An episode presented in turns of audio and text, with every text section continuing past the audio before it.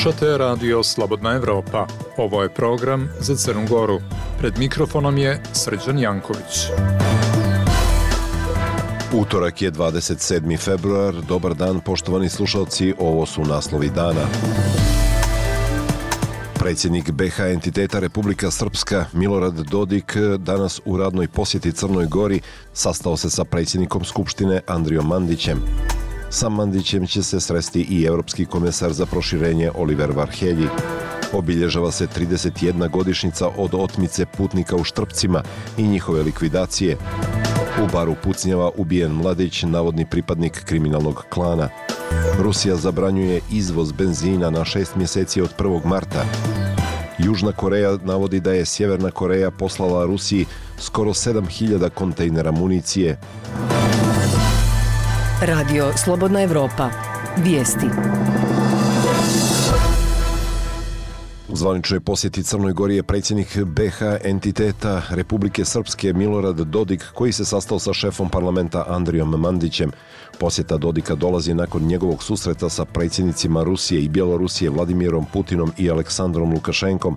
Povodom dolaska Dodika ispred Skupštine Crne Gore održan je protest. Organizatori su poručili da Mandiću i Dodiku treba reći ne, a na transparentima je napisano da je vječna Crna Gora, da je vječna Bosna i Hercegovina. Prilikom dolaska u Skupštinu Crne Gore, Dodik je demonstrante pozdravio sa tri prsta, dok su demonstranti uzvratili skandiranjem fašisti.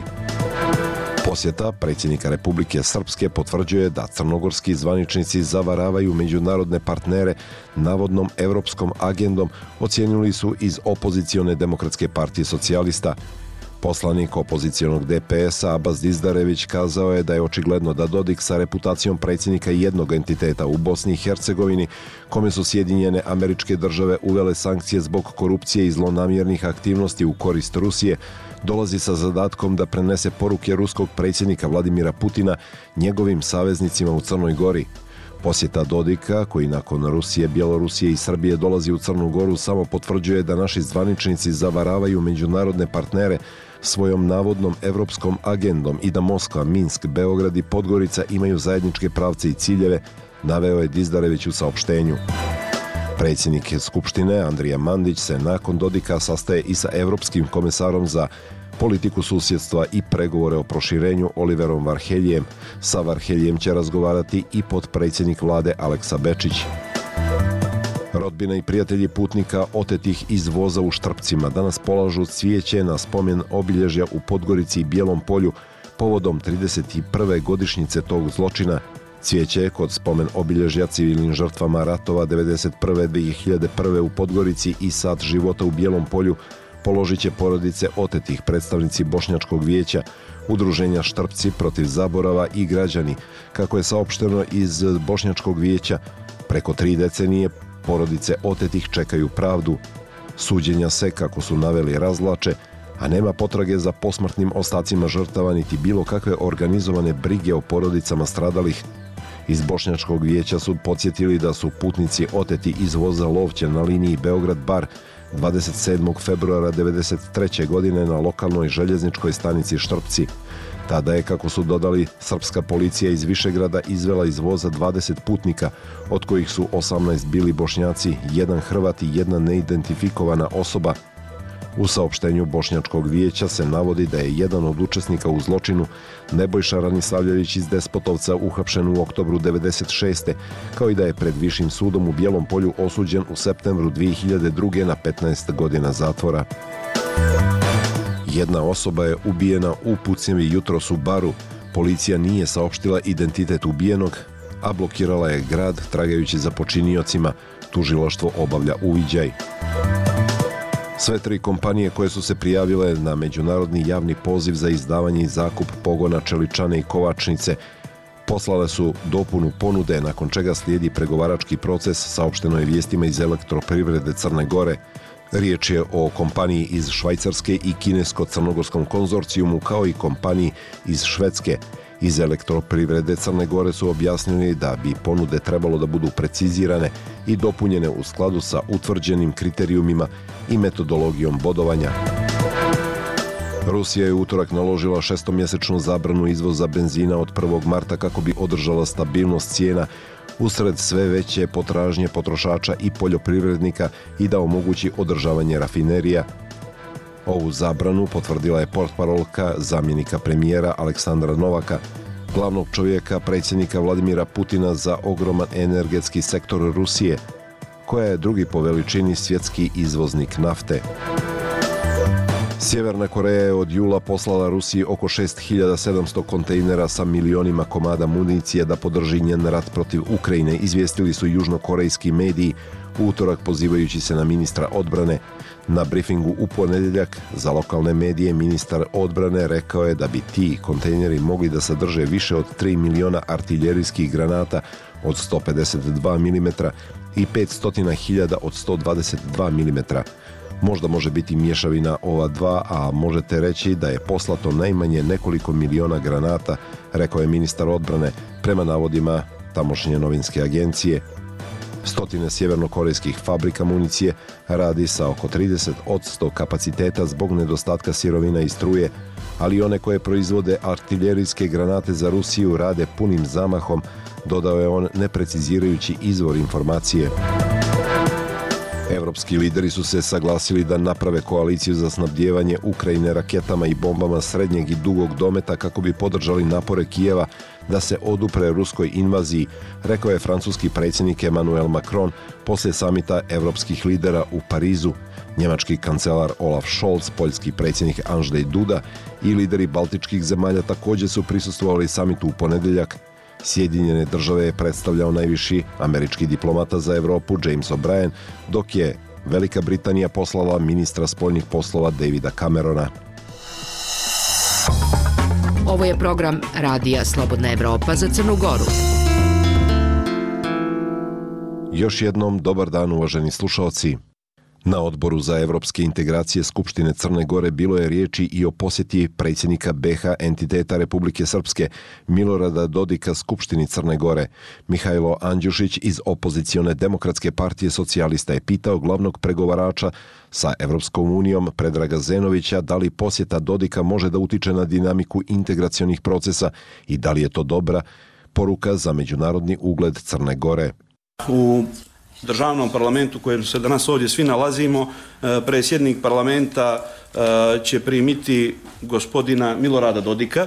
Dakle, da ne ulazim u sve ono što su što je background politički i svaki drugi gospodina Dodika odnos prema suverenitetu i a, integritetu države Crne Gore, taj dio ću ostaviti po strani, dakle, baziraću se samo na dio koji se tiče sankcija prema gospodinu Dodiku koji se nalazi na crnoj listi Sjedinjenih američkih država e, zbog organizovanog e, kriminala. Da li smatrate da resorno ministarstvo evropskih poslova, ministarstvo vanjskih poslova, pa i kancelarija e, ovaj, glavnog pregovarača treba da da svoj komentar i stav po ovom pitanju i sa druge strane želim da čujem vaš lični stav i vaše mišljenje da li je ovakva diplomatska aktivnost dobra po Crnu Goru i njen međunarodni ugled.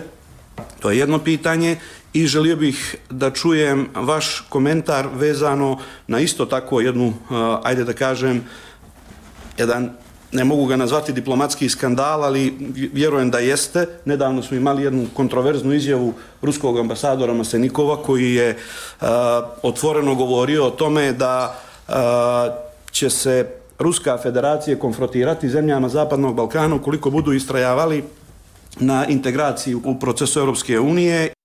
Glavni pregovarač Predrag Zenović je odgovorio da na politička pitanja nema mandat da odgovara. Zaista ne mislim da je u mom domenu niti da to pripada funkciji, mandatu glavnog pregovarača da nova pitanja daje komentare i odgovore upravo zbog jednog um, nivoa ekspertize i stručnosti koje svako od ovih pitanja, posebno pitanje koje se odnosi na ekstradiciju, podrazumijeva. Naravno, u onom trenutku kada bi se ono na bilo koji način kosilo sa nečim što je evropski put Crne Gore ili evropska agenda ili na bilo koji način ugrozilo harmonizaciju pravne pravne tekovine Crne Gore na tom polju, u tom slučaju mislim da bi bilo primjerno da dam neko mišljenje tu temu. To se odnosi i na ove diplomatske i druge izjave. Podsjećam da Crna Gora ima 100% usklađenu spoljnu bezbjednostnu politiku sa politikom Europske unije. Podsjećam na to da i ministarka europskih poslova u svojoj diplomatskoj aktivnosti vrlo intenzivno radi na tome da Crna Gora bude prva naredna članica Europske unije, da svi mi koji smo u timu radimo isključivo na tom polju i u diplomatskom smislu, vjerujem da zajedno sa Ministarstvom vanjskih poslova istrajavamo bez ostatka na ovome što je, što je evropska agenda, evropski put i izvjesno članstvo Evropske unije u Evropskoj uniji Crne Gore. U Skupštini Crne Gore u odboru za evropske integracije je održano konsultativno saslušanje Predraga Zenovića, glavnog pregovarača za pregovore o pristupanju Crne Gore Evropskoj uniji i Bojana Božovića, državnog sekretara Ministarstva evropskih poslova na temu ukupni napredak u procesu pristupanja Crne Gore u Evropsku uniju, sa fokusom na prioritete za ispunjavanje privremenih mjerila.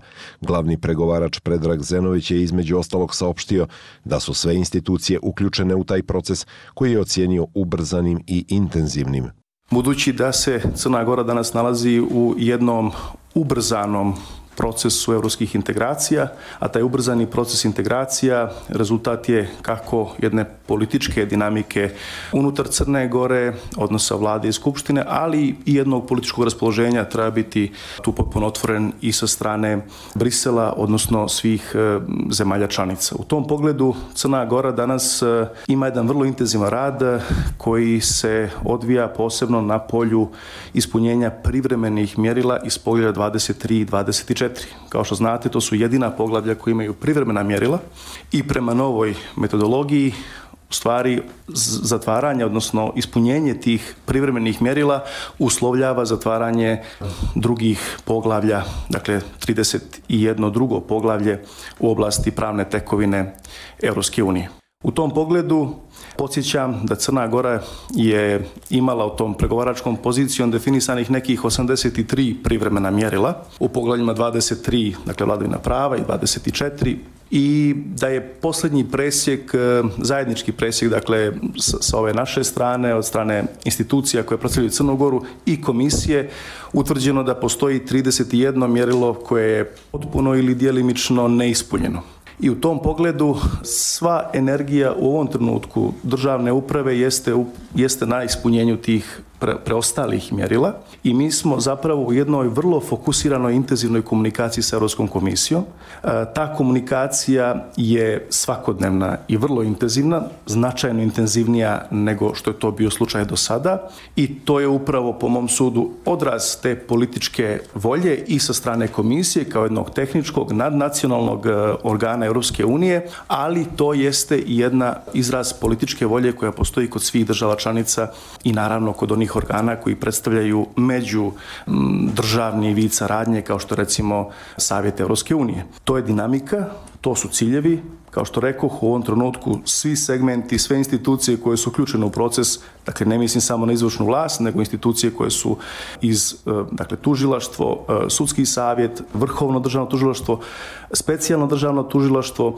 odgovaraju na ono što su um, operativni zaključci u specifičnim mjerilima i u toj intenzivnoj komunikaciji sa Europskom komisijom ciljamo na to da je li Evropska komisija što prije načini taj izvještaj i da taj izvještaj usvoji Savjet Evropske unije, da Crna Gora dobije i bar za ova poglavlja i otključa pregovarački proces, odnosno mogućnost da na sledećoj, odnosno onoj tamo, već krajem godine, međuvladinoj konferenciji zatvori prva poglavlja. Slušate program radija Slobodna Evropa. Predsjednik Sjedinjenih američkih država Joe Biden izjavio je da je Izrael pristao da zaustavi vojne aktivnosti u pojasu Gaze za muslimanski mjesec posta Ramazan, ako se postigne sporazum da Hamas oslobodi taoce koje je oteo u napadu na Izrael u oktobru. Rusija je naredila šestomjesečnu zabranu izvoza benzina od 1. marta kako bi održala stabilnost cijena usred sve veće potražnje potrošača i poljoprivrednika, te da omogući održavanje rafinerija. Sjeverna Koreja je od jula poslala Rusiji oko 6700 kontejnera s milionima vojnih projektila.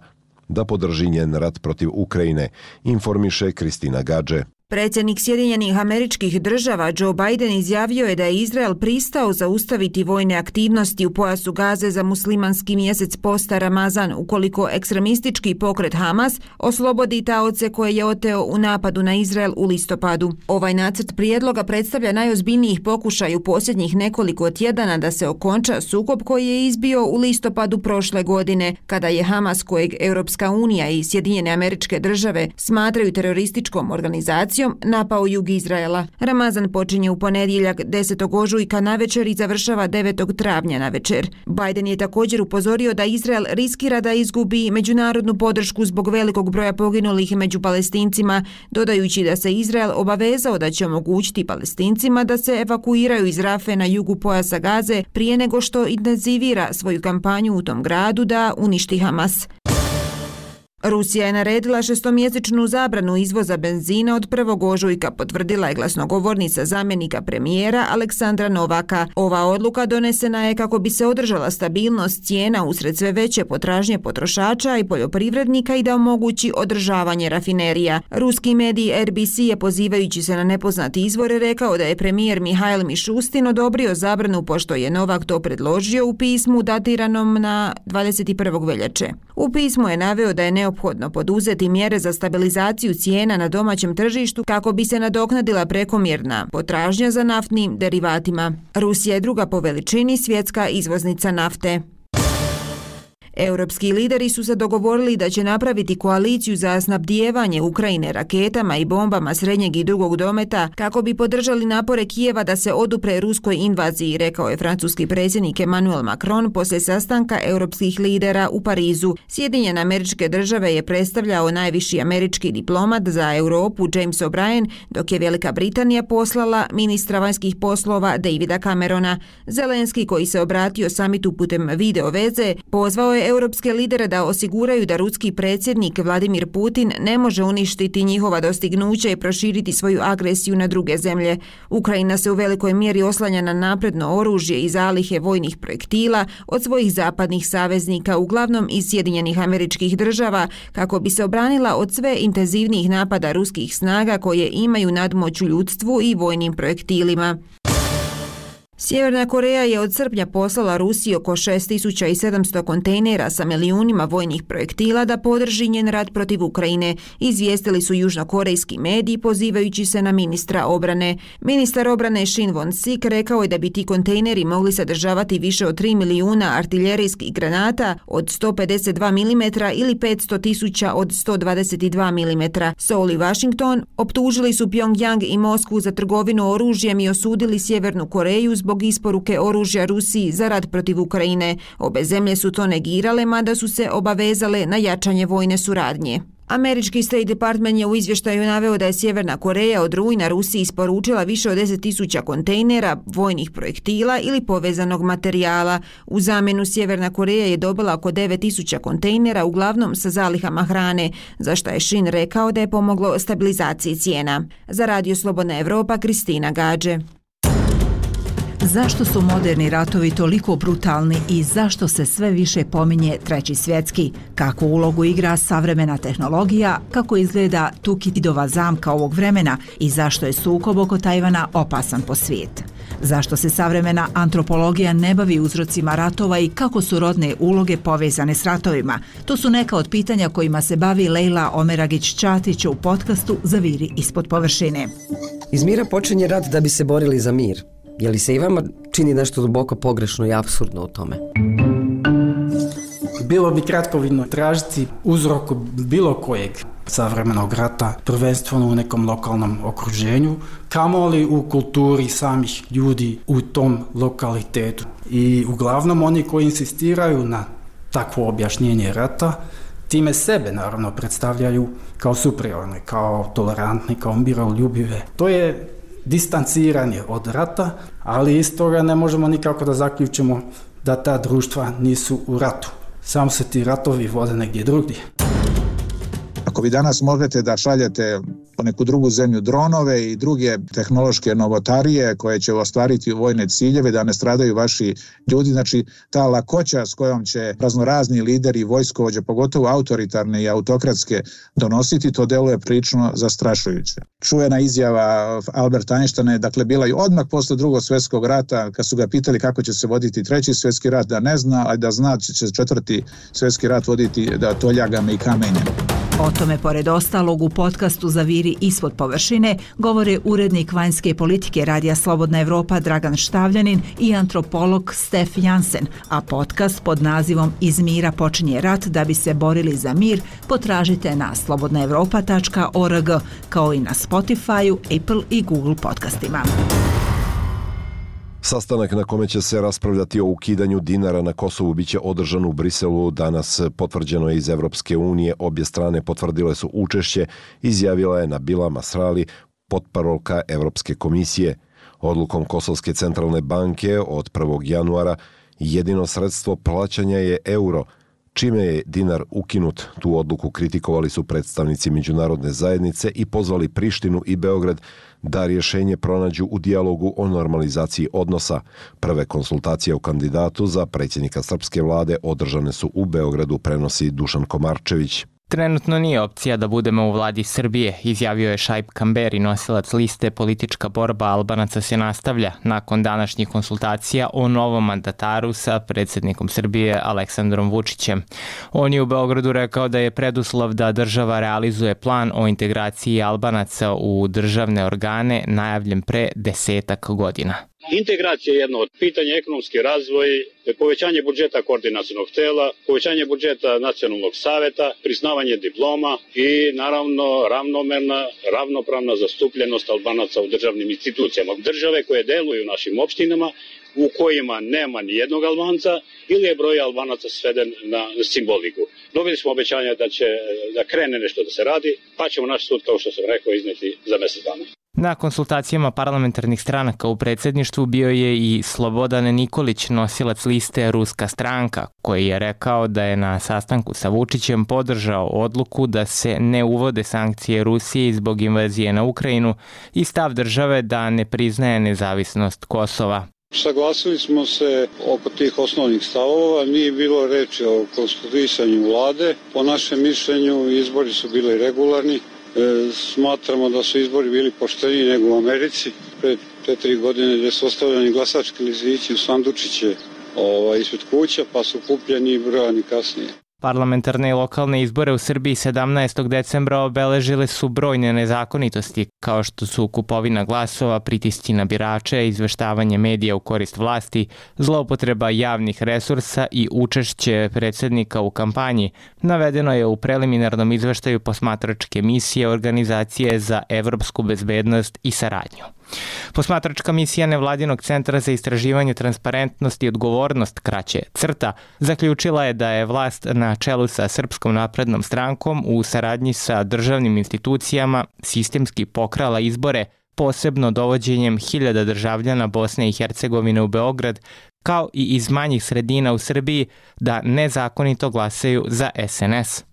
Skupština Beograda još nije formirana. Otvorena je mogućnost ponavljanja izbora, a Evropski parlament nedavno je pozvao na međunarodnu istragu izbora u Srbiji, što vlast kategorički odbija. Potpredsednik demokratske stranke Miodrag Gavrilović ocenio je da su konsultacije Vučića oko formiranja vlade farsa, koja, kako je rekao, predstavlja pokušaj da se medijska pažnja prebaci sa događaja koji su Vučiću neprijatni, kao što su pritisci iz Evrope da se nezavisno ustanovi šta se dešavalo u izbornom procesu. Najava vlasti da će u Beogradu biti novi izbori je dokaz da se dogodila izborna krađa. Vučić je naneo toliko zla da sa njim nemamo šta da razgovaramo, rekao je Gavrilović. Vučić je najavio da 26. februara počinje konsultacije sa svima koji, kako se izrazio, žele da razgovaraju i da će potom odrediti mandatara. Na proteklim izborima ukupno je 10 izbornih lista prešlo cenzus. U državnom parlamentu od 250 mesta najviše mandata ima Vučićeva Srpska napredna stranka sa koalicijunim partnerima 129, Opozicijona koalicija Srbija protiv nasilja ima 65, Socijalistička partija Srbije Ivica Dačića 18, 13 je poslanika dobila koalicija NADA, kao i liste Mi glas iz naroda Branimira Nestorovića. Od manjinskih partija šest je osvojila stranka Vojvođanskih Mađara, po dva liste Usame Zukorlića i stranke Demokratske akcije, a po jedan lista Politička borba Albanaca se nastavlja i Ruska stranka. Iz predsjedništva je saopšteno da će na konsultacijama u utorak biti Savez Vojvođanskih Mađara i lista Usame Zukorlić. Iz Beograda za Radio Slobodna Evropa Dušan Komarčević. Program Radija Slobodna Evropa za Crnu Goru. Slušajte nas svakog dana u 13.30. a u Sjevernoj Makedoniji odvija se internet prevara iza koje stoje pojedinci iz Velesa koji reklamiraju lažne proizvode sa likom bivšeg američkog predsjednika Donalda Trumpa, za koje tvrde da će kupcima donijeti milione dolara nakon njegovog povratka na vlast. Kroz istraživanja zatvorenih grupa na platformi Telegram, Radio Slobodna Evropa je otkrio kako su američki državljani postali žrtve takozvanih klikača Jelena Janković. Obavezno pišite da vam se daju konkretna uputstva kako da prevarite Amerikance. Jedna je od poruka na makedonskom jeziku sa zatvorenog telegramovog kanala u kojima se nalaze prodavci lažnih Trump proizvoda iz Velesa. Američkim građanima plasira se priča po kojoj će danas kupljeni proizvodi sa likom Donalda Trumpa vrediti milione nakon što se Trumpa vrati na vlast. Na prodaju se zapravo nude potpuno bezvredne kartice, novčići stikeri. Reklame prate snimci i fotografije Trumpa i njegovih saradnika koji su predstavljeni kao kreatori tih proizvoda. Snimci su međutim lažni, odnosno modifikovani preko softvera i veštačke inteligencije. Ja verujem u predsjednika Trumpa i mislim da je pošten. Poverovala sam da investiram u budućnost svoje porodice i uložila sam popriličnu sumu novca quite a large sum invested. Kaže za Radio Slobodna Evropa Anne Breton, 86-godišnja penzionerka iz predgrađa Nashville u američkoj državi Tennessee. Ona već godinama preko Telegram kanala kupuje različite predmete kao što su Trump novčići ili Trumpovi dolari, za koje se tvrdi da će postati zakonito sredstvo plaćanja u budućem Trumpovom monetarnom sistemu. Sredinom prošle godine videla je oglas za debitnu karticu za koju se navodilo da već sada omogućava povrat uloženog novca preko bilo kog bankomata. Uradila sam to. Bankomat je automatski izbacio karticu nazad. Kako Breton svedoči, kupila je 20 kartica, platila ih 6000 dolara i mislila da za svoju porodicu obezbeđuje investiciju od koje će na kraju naplatiti 4 miliona dolara. Nije ni slutila da se cijela mreža oko tih investicija kreira čak 8000 km dalje preko okeana. Kako su utvrdili novinari Radija Slobodna Evropa, najmanje 45 ljudi iz makedonskog Velesa stoji iza ponude za lažne kartice sa imenom Donalda Trumpa.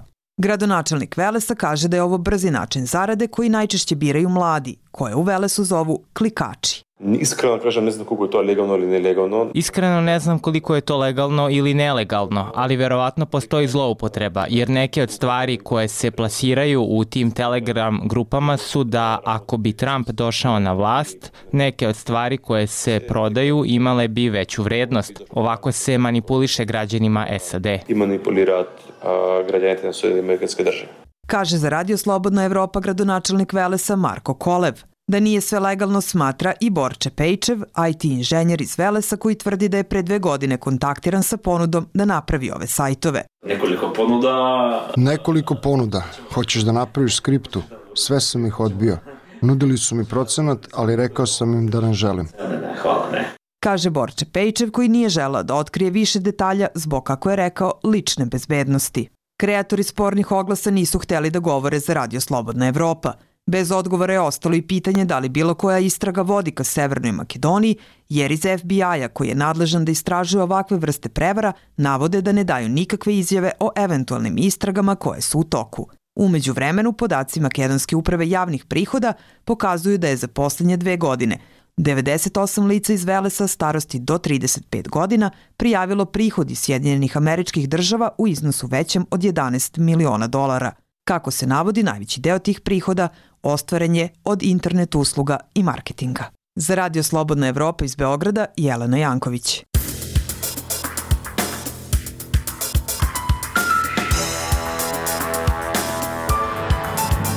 Bilo je to sve u današnjoj emisiji. Najnovije vijesti potražite na našoj web stranici slobodnaevropa.org i pratite nas na društvenim mrežama. Na našem sajtu potražite i nove epizode naših podcasta koje su postavljene i na Spotify, Google podcastima i iTunesu. Ekipa Radija Slobodna Evropa Crna Gora vam želi prijatan dan.